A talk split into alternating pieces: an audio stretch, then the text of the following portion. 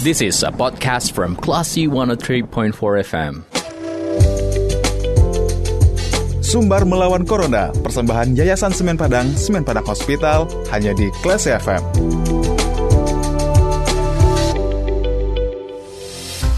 empat Kelas FM This is the Actual Radio Selamat sore Kelas People Saatnya Anda mencermati Sumbar melawan Corona Persembahan Yayasan Semen Padang Semen Padang Hospital bersama saya Dita Indira Nah Kelas People Akhir-akhir ini kita mendengar kabar ya Kalau Bukit Tinggi sudah masuk ke zona merah Lalu bagaimana perkembangan pasien COVID di Bukit Tinggi yang saat ini masuk ke zona merah COVID-19 untuk menanyakan hal tersebut, kita sudah terhubung dengan Sekretaris Dinas Kesehatan, ada Dr. Vera Maya Sari, SPDLPMM, yang merupakan Kadin Kadinkes Bukit Tinggi ya. Kalau gitu kita sapa dulu.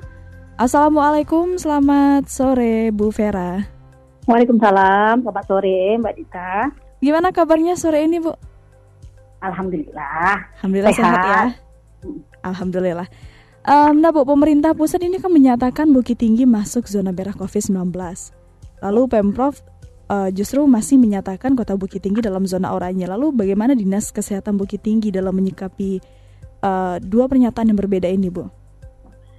Uh, kalau kita kemarin sudah mengambil salah satu tindak lanjut ya, mm -hmm. uh, jadi memang kalau kita confirm ke provinsi itu menggunakan zonasi, memang kita masih berada perada orange karena ino, uh, untuk Sumatera Barat sendiri belum ada yang merah. Mm-hmm. Namun uh, dari Dokter Andani sendiri tadi pagi sudah dirilis, kenapa itu merah? Karena kita menghitung dari positif rate dan kondisi rumah sakit kita. Saat ini untuk Sumatera Barat sendiri kan kita sama tahu ya rumah sakit yang sudah ditunjuk uh, untuk COVID uh, ada beberapa yang sudah tidak difungsikan termasuk tempat-tempat uh, karantina isolasi mm -hmm. isolasi ya. Nah saat ini rumah sakit Jamil sendiri memang sejak hari Minggu kemarin itu sudah kondisinya tidak kondusif lagi di mana ventilator sudah terisi penuh. Mm. Untuk kami sendiri di Kota Bukit Tinggi di RSAM juga sudah penuh.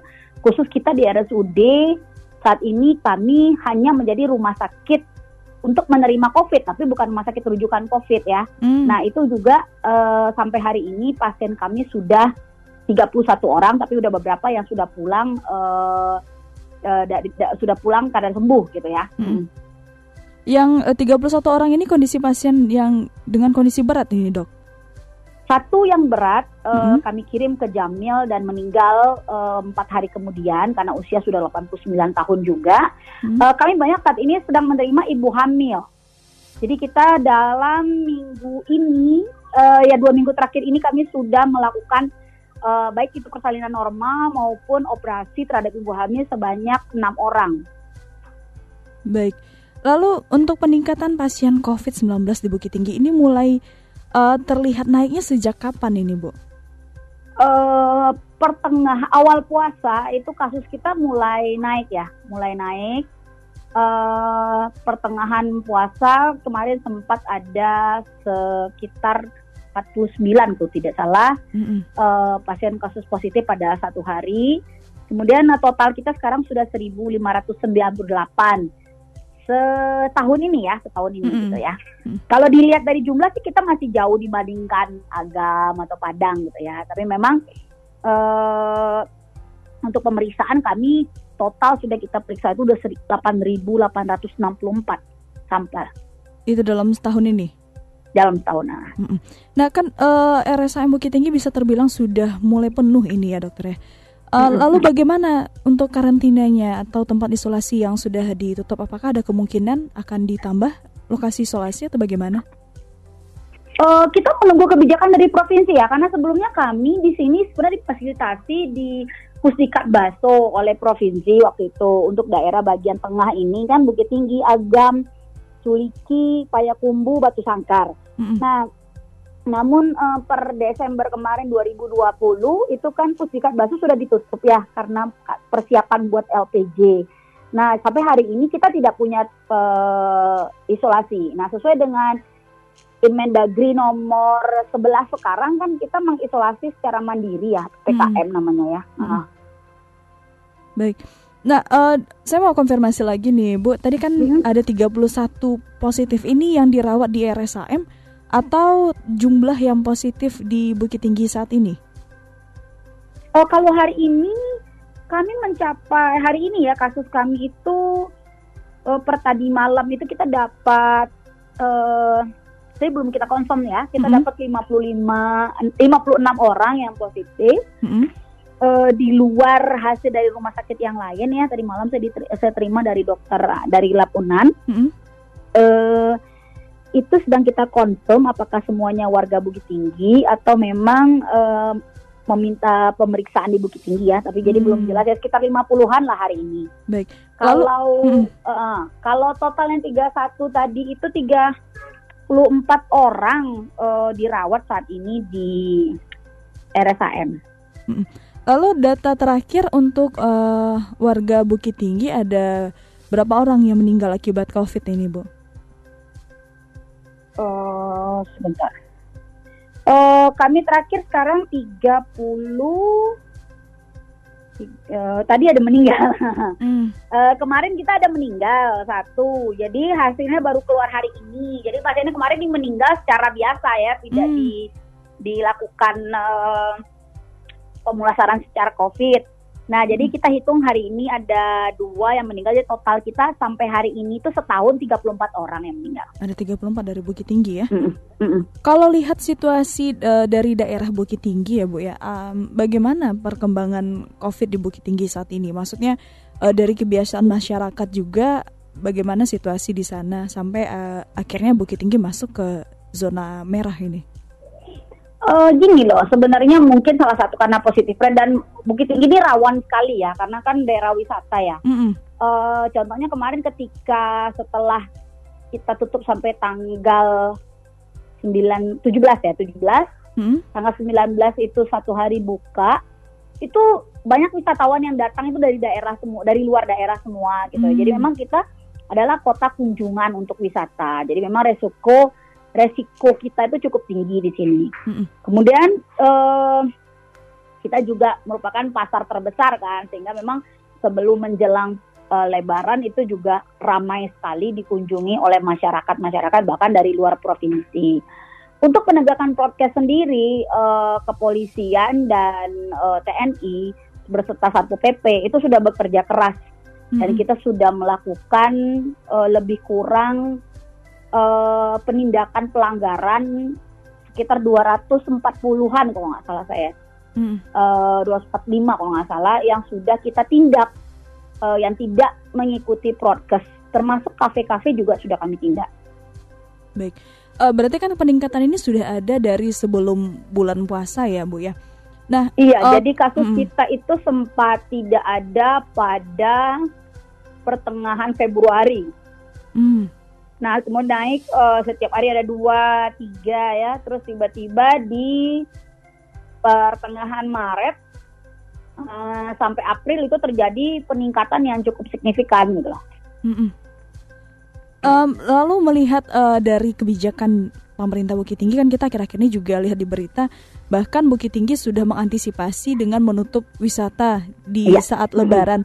Namun kan pernyataan zona merah untuk Bukit Tinggi ini baru baru dinyatakan beberapa hari ini ya Bu ya. Apakah Iya. ini berpengaruh karena setelah dibuka terus membludak adanya kunjungan terhadap Bukit Tinggi setelah tanggal Bukan. 17?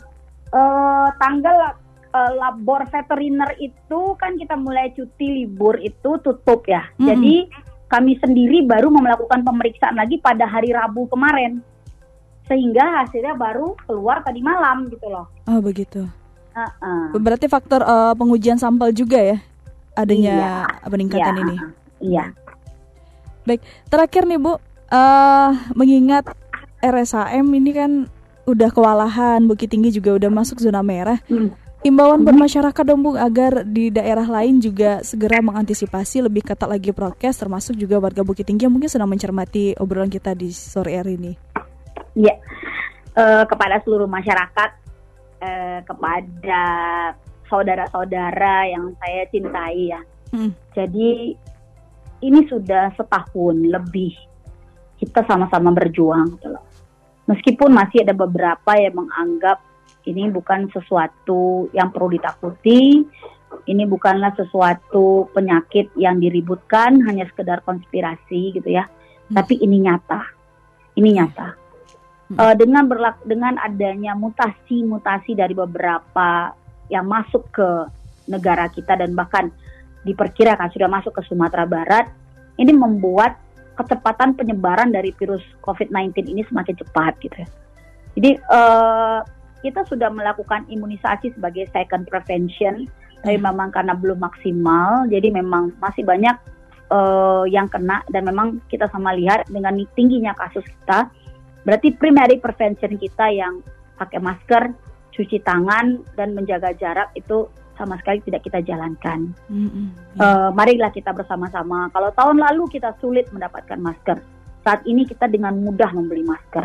Apa salahnya kita menyayangkan diri kita, berusaha ter, terjauh dari penyakit ini, terutama saat ini yang paling banyak yang dirawat itu adalah yang berusia tua.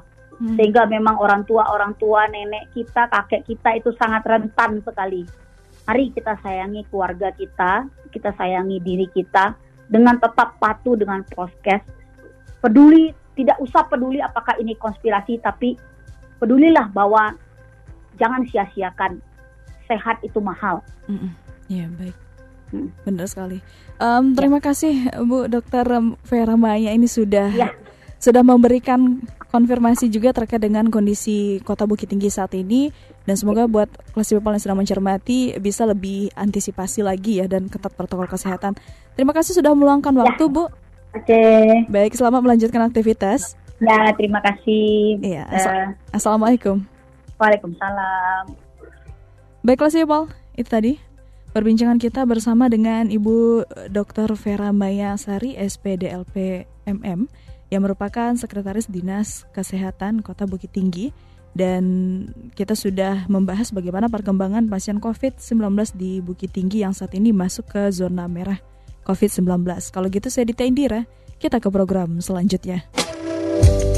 Terima kasih. Anda sudah mencermati program Sumber Melawan Corona, persembahan Yayasan Semen Padang, Semen Padang Hospital. Anda juga bisa mencermati podcast obrolan ini di www.classfm.co.id atau download aplikasi Class FM. This is a podcast from Classy 103.4 FM.